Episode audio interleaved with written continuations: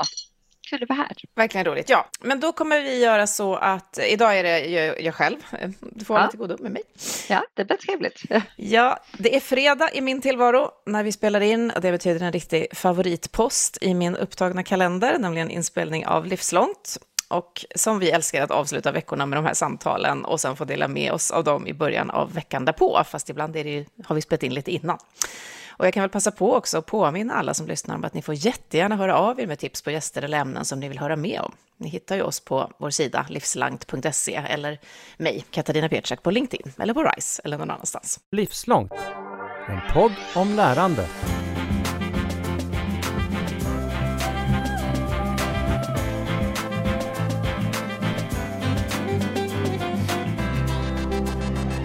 Men idag har jag i alla fall med mig en gäst som jag känner engagemang varje gång jag hör eller pratar med. Och därför så är jag väldigt glad att få välkomna Helene Barnekow med hela ditt engagemang hit till mig idag. Hej! Tack, hej Katarina, väldigt roligt att vara här med dig.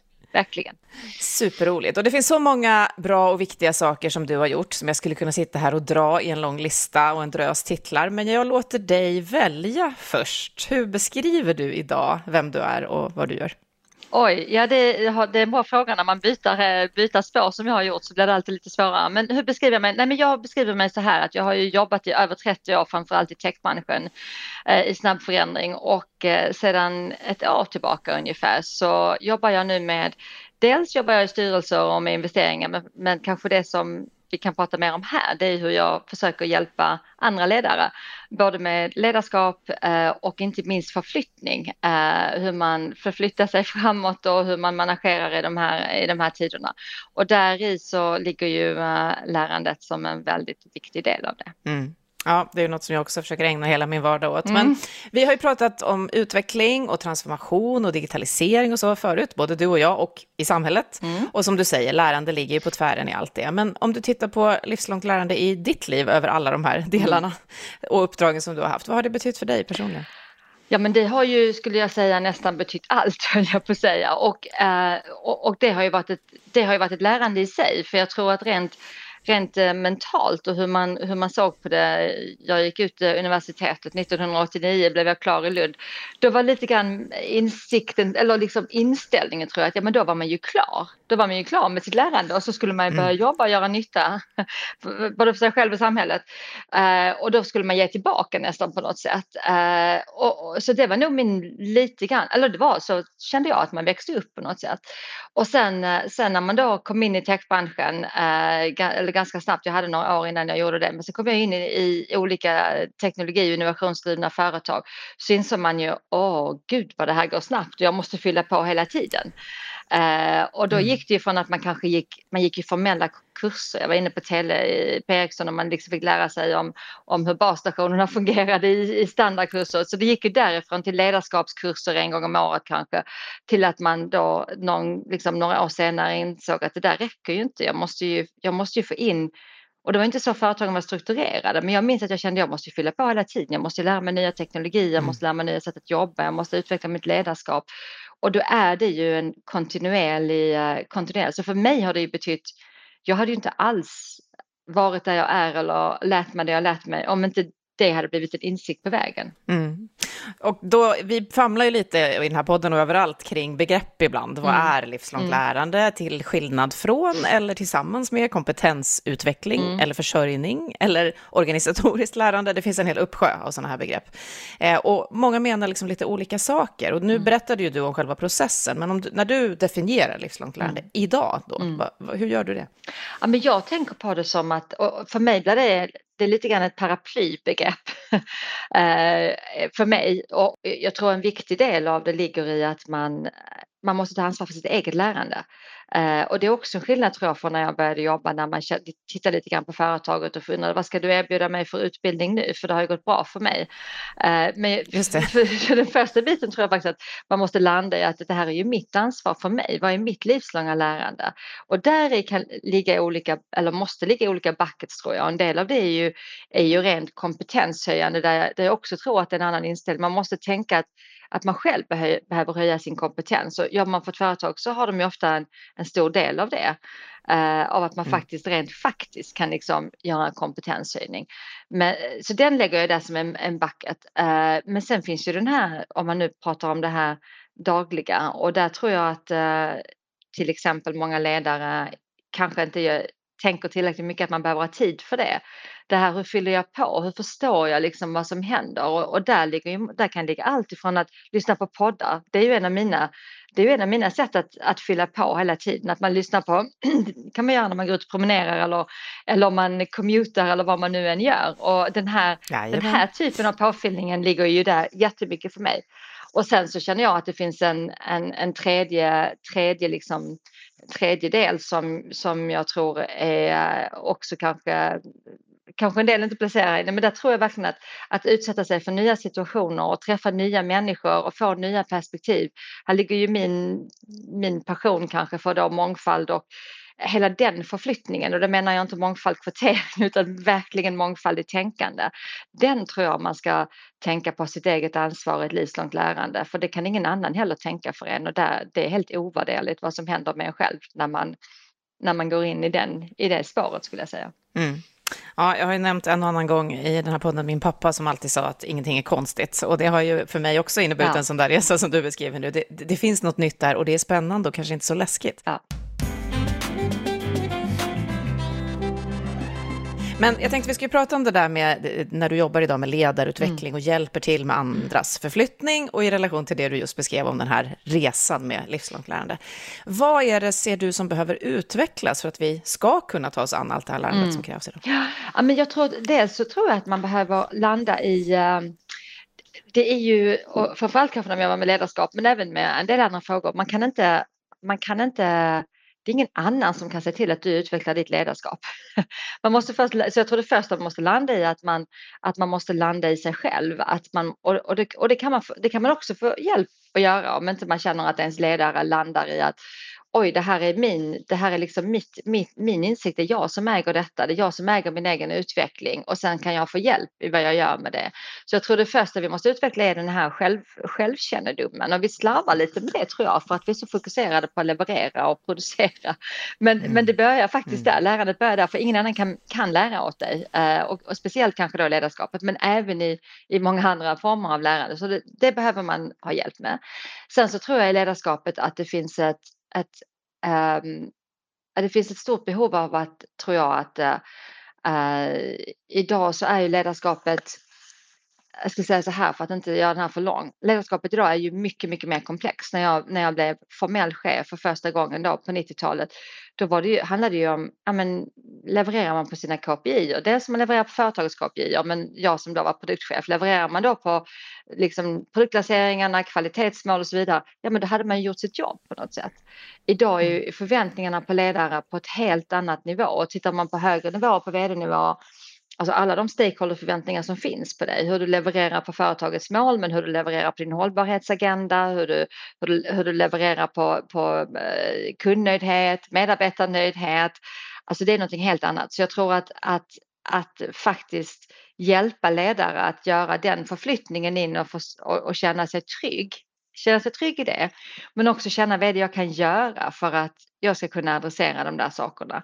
Och då tror jag att en av sakerna vi verkligen måste verkligen, verkligen måste steppa upp i, det är ju faktiskt att vi gör den förflyttningen, det vi gör externt och det vi gör internt, de måste gå hand i hand. Och de flesta bolag idag mm. skulle jag säga um, gör det här väldigt sekventiellt. Det här året ska vi satsa på vår varumärkesresa, varumärkesförflyttning och nu ska vi utbilda alla i vad vi står för och vårt syfte och så vidare. Och så gör man allt sin fokus på det.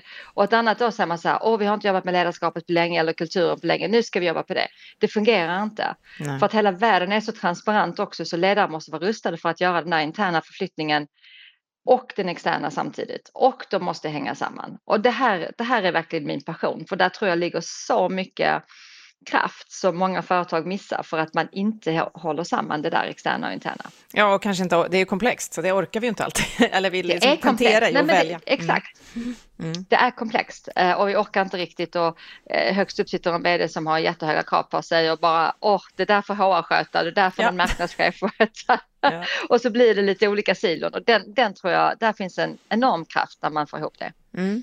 Och då pratar du om att som chef en gång i tiden då så hade man vissa leveranser och idag är de bara ja, mycket mer komplexa som vi konstaterar. Ja. När det gäller att hjälpa alla medarbetare man har då på, till sina leveranser, mm. vad nu det har, hur nu det har förändrats idag, mm. Eh, mm. nämligen då att, att leda för andras lärande. Vad skulle du säga är viktigast mm. där? Mm.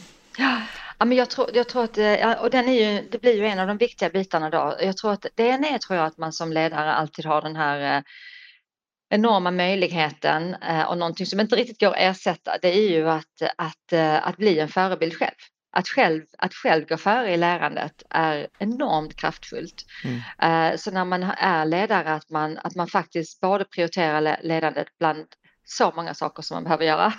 Mm. Att man har det på sin agenda och att man, att man faktiskt pratar om det. Vad, vad är på min lärandeagenda nu? Vad behöver jag? Vad är det jag fokuserar på den här månaden eller det här kvartalet eller, eller hur gör jag det på? Eh, och kanske även till och med dialoger med sitt team och säga vad känner ni? Vad känner ni att jag behöver? Vad behöver jag vad, vad, liksom, vad behöver jag lägga till för att jag ska bli bättre och göra mer nytta och så vidare. Den, den tror jag är helt ovärderlig, som i det mesta ledarskap den är helt ovärderlig. Mm. Den tror jag är en. Den andra är att man verkligen coachar, stöttar och har dialoger med sina medarbetare som fokuserar på lärandet. Att man inte bara står och pratar om sina KPI och avrapporteringar utan vad är det då som, och det tycker jag verkligen är en stor del av vad vi pratar, det finns så många ledarskapsfloskler, men när man nu pratar om den typen av ledarskap där man vill coacha och utveckla så att man man, att, man, att man gör den dialogen på riktigt. Eh, vad är det man behöver? Behöver man komma in i nya nätverk? Behöver man kurser? Behöver man, är det poddar man kan, eh, vad det nu än är för någonting, eh, interna och externa kurser och så vidare. Och det tredje är ju kanske det viktigaste, det är ju visa att man vill att man prioriterar tid mm. eh, till det. För att ingen har ju tid. Um, och en av sakerna som, som jag har gjort i de organisationer där det inte har suttit i kulturen, det är ju att skicka ut uh, nu blir det lite engelska här, men du skickar ut learning blockers eh, från vdns kalender och så ligger det learning blocker där. Om du ligger den en gång i veckan eller en gång varannan vecka, man får känna sig för vad som passar organisationen. Och på learning blocken så bokar man inga möten om inte det är akuta kundmöten eller någonting som absolut inte... Och då då, då blir det ett jättebra tillfälle för, för ledarna också att prata med sina medarbetare. Vad använder du din learning blocker till? Och behöver du lite input? Behöver du någonting annat? Och, och pratar om vad man själv gör med den. Men, men det är faktiskt när man ska sätta det i kulturen. Och sen så min sista poäng är ju då när man har satt det i kulturen så är det ju magiskt. Mm. För att då, då bär det sig av sig själv och då pratar ju folk om vad de gör för någonting för att lära och då blir man ju inspirerad. Men man måste sätta det och då tror jag det här med learning blockers för mig har varit en sån där det har varit en sak som har hjälpt till att verkligen sätta det i kulturen. Ja, och det är så intressant för det är precis som du säger, det första som kommer upp är ju att tiden inte finns och vi har ju ja. tittat lite och också, också, forskat lite på de här frågorna och vi ser ju att kort sikt bråkar med lång sikt, precis som du säger. Mm. Och då de här, mm. alltså kort sikt, leveranserna nu, det som är framför näsan, de här akuta ja. kundmötena som du tog som exempel. Ja. Hur, hur är din erfarenhet, hur gör man då för att inte släppa in för många sådana och ta bort de här blockers mm. eller andra föresatser som man har gjort då för att få till lärandet? Hur ska man klara det? Ja, men det är ju, ja, eh, man kommer tillbaka till sig själv hela tiden tänker jag i de här sakerna. För att och ibland säger jag så här, det kanske låter raljerande, men jag, men jag menar det på ett sätt för att man måste landa i sin egen självinsikt. Att det, enda, det enda i hela världen som är, som är rättvist är tid faktiskt. Vi har bara 24 mm. timmar och, eh, om dygnet och sju dagar i veckan. Ingen har mer, ingen har mindre. Inget är inte rättvist, men det är faktiskt rättvist. Mm, och då är, det, då, då, är det, då är det faktiskt så att en del personer som hinner, hinner, uh, hinner med att göra sina jobb, de hinner också finna sitt lärande och andra gör det inte. Mm. och, då, och därför så kommer det, det här kommer ju väldigt väldigt mycket till självledarskapet och där ledaren verkligen kan stö stötta den utvecklingen så att man kan steg för steg hamna i den. Men, men jag tror verkligen att det är, jag tror att från ett ledarperspektiv så är det ju faktiskt att man, att man visar att det är så viktigt men också kanske, man kanske till och med i början vill målstyra det för att man vill man vill att personen ska känna att, att det, med allt annat som målstyrs, om inte detta målstyrs så kanske inte det känns på riktigt. Det. det blir bara en sån där floskel till liksom, som det finns många av dem i, i, i corporate-världen. Uh, man kanske till och med ska målstyra det i början så att det blir en del av ens utvärdering i början. Uh, så jag tror man måste, man måste ta, och, så, och sen så tror jag återigen det är individen som måste känna att ja, men, okay, om jag vill jobba eh, 30 timmar i veckan, 40 timmar i veckan, fem, allas veckor ser olika ut nu för tiden. Hur mycket av den tiden är, ska jag verkligen lägga på learning då? För att jag ska säkra att jag, att jag är med på de här resorna som nu nu känner väl alla att det går så snabbt i samhället men hur mycket ska du lägga på learning? Och då är det verkligen så att man måste man måste boka in det där. Jag har fortfarande en learning blocker i min, eh, i min kalender.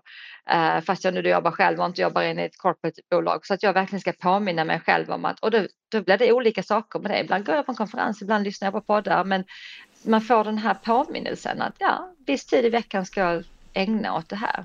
Mm. Du gjorde en så fin eh, radioövergång själv till det här med självledarskap. Och jag tänker, du mm. som har varit vd på Microsoft Sverige och tillbringat tid då i stora corporate-världar, som du nämner då, Sony Ericsson, Dell, Delia, många andra. Och så är du nu i ett litet, lite mindre konsultbolag, norskt, mm. eh, Ascension. Just det.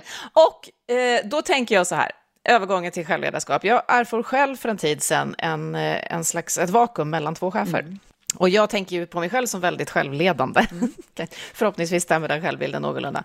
Men jag erfor då väldigt starkt att det var väldigt svårt att vara det i en lite större corporate miljö utan mm. ett ledarskap. Alltså att det där självledarskapet mm. kräver ett ledarskap. Och jag hade inte riktigt tänkt mm. på det på det mm. sättet.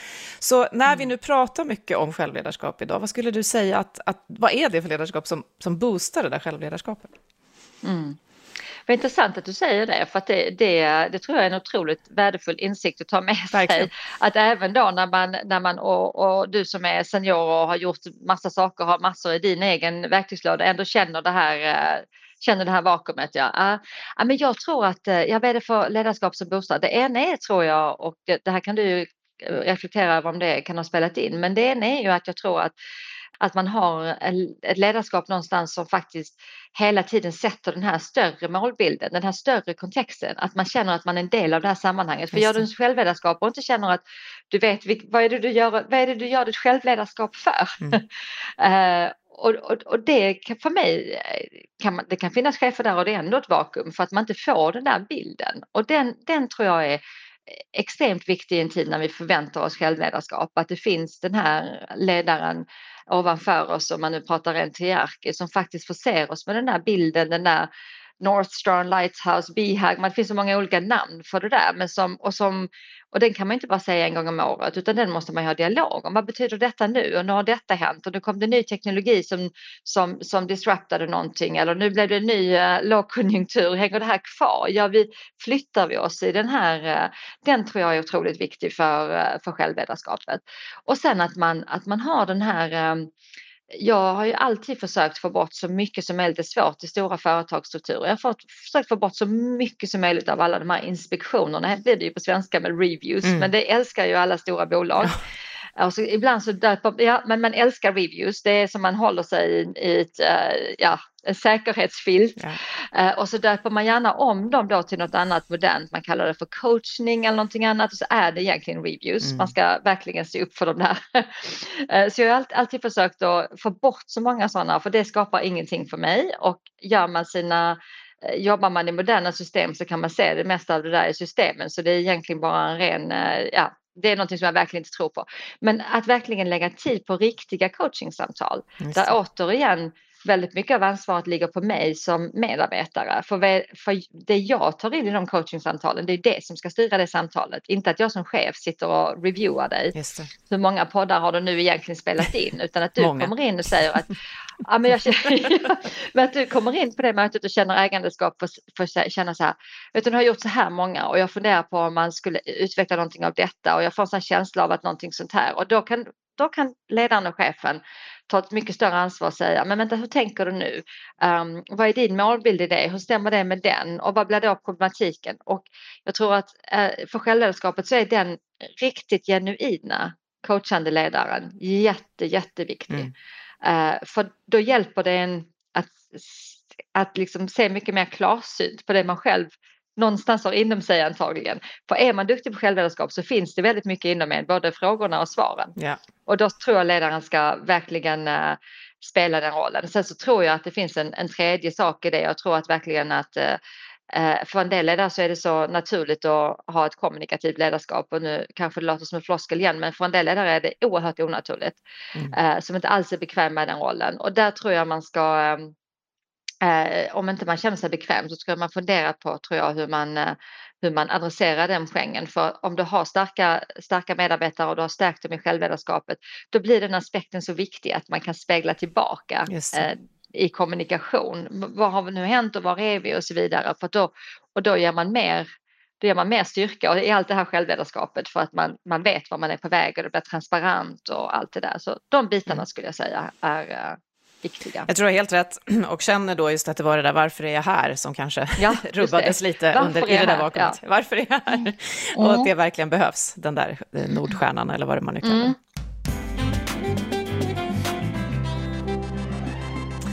Och då tänker jag också lite att vi pratar egentligen om då eh, vadet i lärande här. Vi pratar väldigt mycket om huret idag för att vi har gjort det för lite i min uppfattning och mm. erfarenhet. Vi har liksom trott att lärande sker automatiskt eller att vi kan stoppa kunskap bara i huvudet på någon. Vi bockar av de här internkurserna och så är det klart. Och så vet vi idag att en vuxen människa inte lär sig så.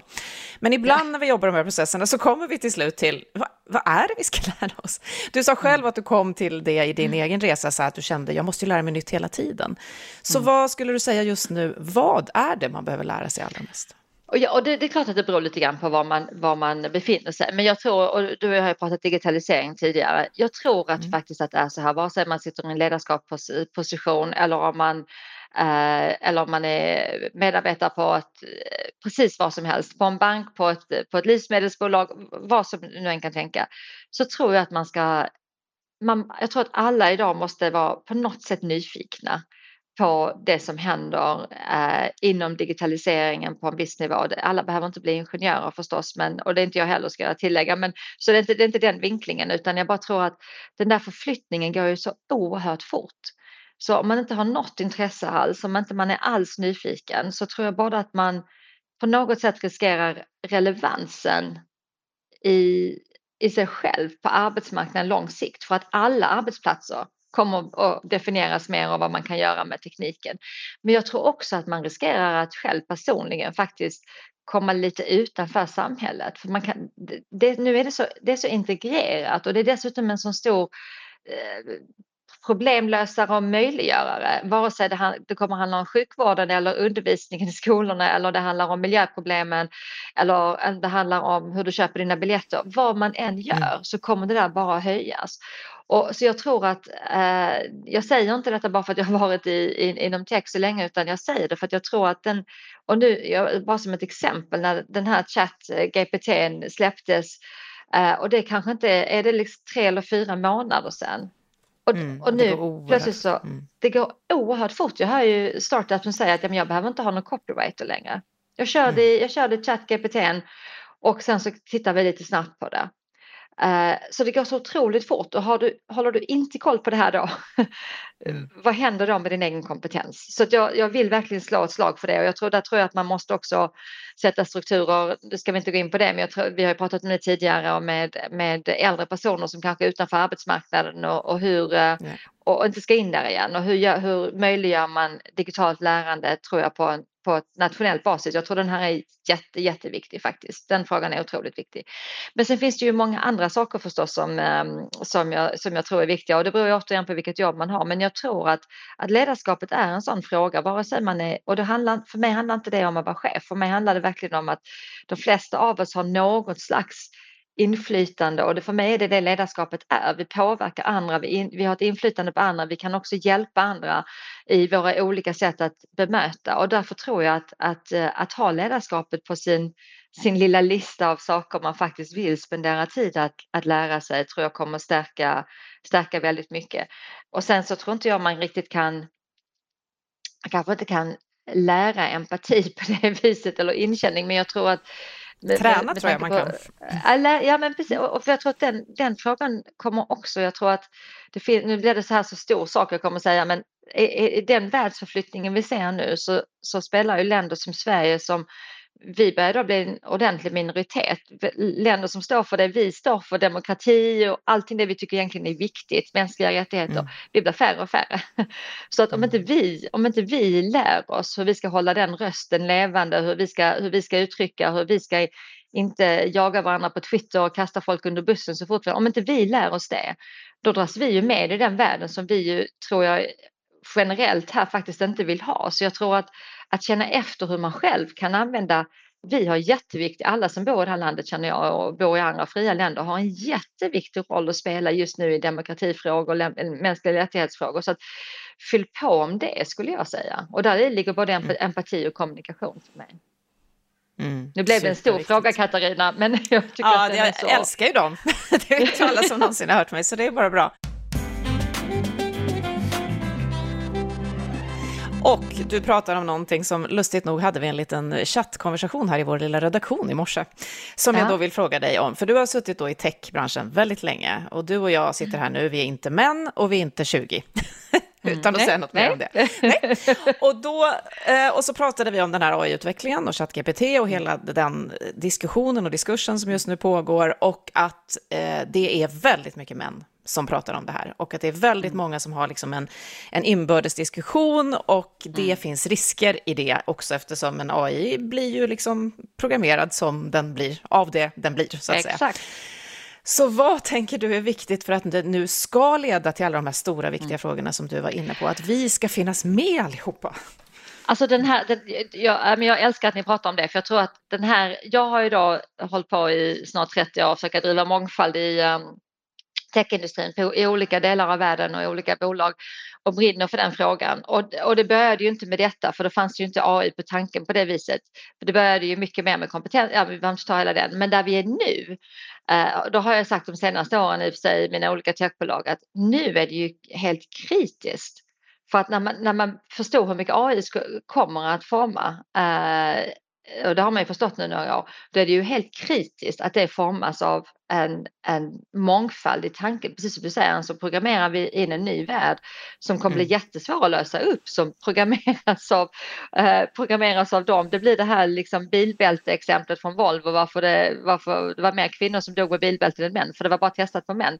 Då blir detta yeah. liksom i en AI-värld med exponentiell eh, mm. utveckling och impact. Så att um, Uh, den här är ju, ja, nej, men det här är ju så otroligt viktigt och jag tror att, att mm. uh, Alltså, ja, det är ju en besvikelse att det inte ser, ser bättre ut i, i fördelningarna. Men det, finns, det, här finns så många bit, eh, olika bitar. Där. Dels så finns det ju en, en, en akut bit, höll jag på att säga. Det här att man eh, faktiskt eh, har de här etiska råden och att det finns en del eh, saker som, som ändå kan sätta så att det inte blir, går helt överstyr här och där tror jag att många av de, de stora bolagen tar nog ganska, de är ju och de pratar om detta och de är också klart obekväma med detta.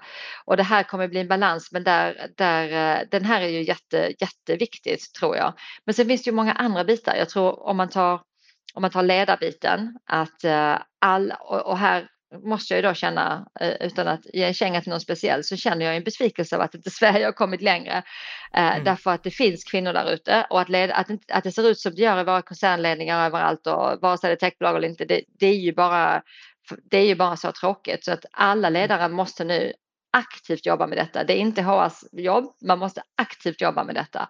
Och den tredje saken tror jag är faktiskt att vi, vi måste bli bättre på, det här har vi nog också diskuterat tidigare, vi måste bli bättre på att locka kvinnor till, till tekniska utbildningar för det finns ju för få kvinnor och det finns för få med annan bakgrund än, än, äh, än de som är eh, kanske typiska eh, de manliga aspiranterna nu.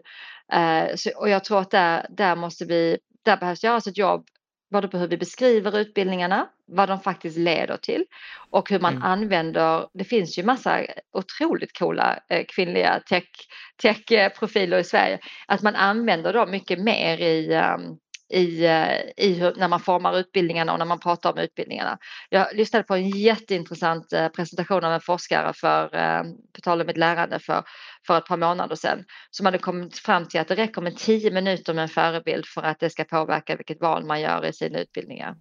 Tio minuter. Wow.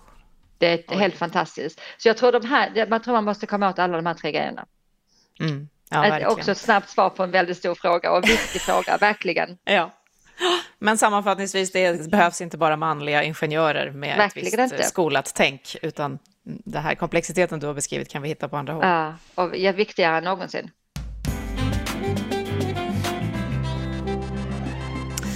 Ha, du var inne på lite konkreta tips där med learning blockers och så för att då kunna skapa både kulturen som du jobbar väldigt mycket med idag med ert bolag och också strukturen låter det ju som, organiseringen mm. för lärande, mm. att man måste då mm. innan den där magiska kulturen sätter sig själv. Är det några fler sådana tips som du vill skicka med om man nu är vare sig man är chef eller ledare på annat sätt här och lyssnar? Mm.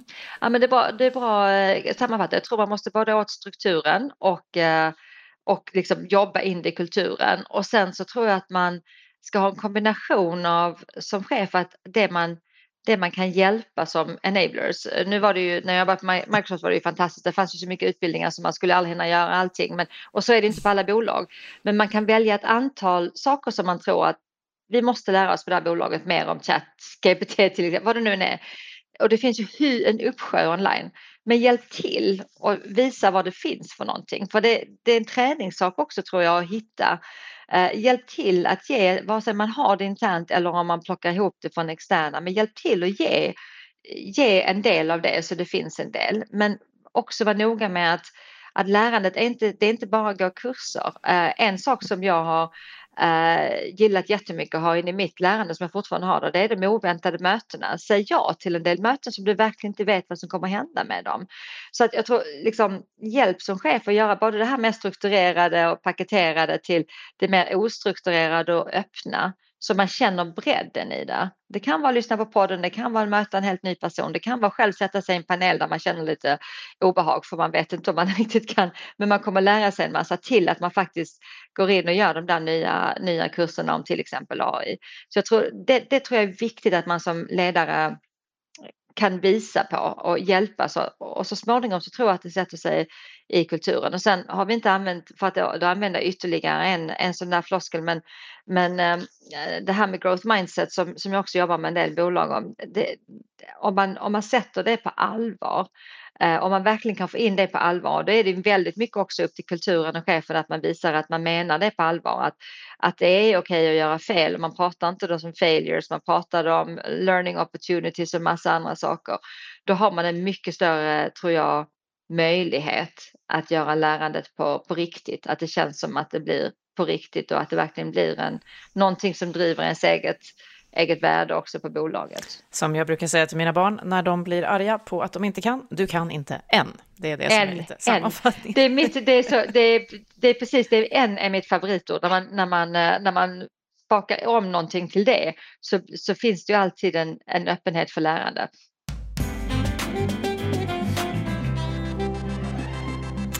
Tack för de nycklarna. Det är faktiskt precis sånt som jag sitter, när jag inte spelar in den här podden, och letar efter nu. Vad finns det för nycklar i en organisation som verkligen gör att om vi låser upp lite där så händer det här magiska som du eh, pratar om, så blir det en lärande organisation. För det är det alla vill bli idag. Ja, det är det vi behöver bli. Det är det vi behöver bli och vi har nu hört verkligen på grundstor nivå varför. Stort tack för, som vanligt, det här engagemanget, Helene Barnekow. Jag är jätteglad att du kom till mig här i Livslångt. Tack så hemskt mycket. Och nu eftersnacket. Tycker du att jag glömde något? Nej, jag tycker det, var, det, jag tycker det, är, det är jättekloka och bra frågor. Och det, det, blir, det blir både, jag tänkte på det när, när vi kom in på det här, det, det, blir både i det stora och det lilla. Det måste bli det. Om det ska bli effekt så måste det bli både i det stora och det lilla. Mm. Man måste liksom, jag tror att den är, mm. uh, och det, kan, det kommer inte bli, om, inte man, om man har medarbetare som, som inte alls har tänkt på det här eller gjort någonting, det kommer inte bli en revolution i vad de gör på dagen om inte man också sätter den här liksom man förstår varför och man, mm. och man sätter lite struktur på det och man, ja, nej jag tror det blir det, det, det, behöver bli både det stora och det lilla faktiskt, tror jag. Och det tror jag du täckte jättebra här. Mm. Ja, och jag har tänkt jättemycket på att vissa måste man hjälpa, om, för jag kan ju inte jobba utan ett varför uppenbarligen. Det förstod jag inte förrän efter ett tag, men det går nej, inte för Nej, men inte så. Medan andra bara, varför? Ja, men jag har ett jobb. Och då måste man ju liksom mötas jobb, ja. Men jag är också ja. så som dig, jag måste också fatta ett varför. Jag har ju mm. skrivit en bok om, om uh, värdebaserat ledarskap någon gång för något år sedan. Mitt första uh, kapitel heter faktiskt Varför är jag här? Mm. Mm. alltså för mig är det så viktigt och, och, det, och det, för det mesta är det så viktigt för, många är det så viktigt för. Uh, ja. Och då är ledaren extra viktig tror jag i de sammanhangen. Har just hört Livslångt, en podd från RISE om allt det där man lär sig i livet. Vi hörs om en vecka igen.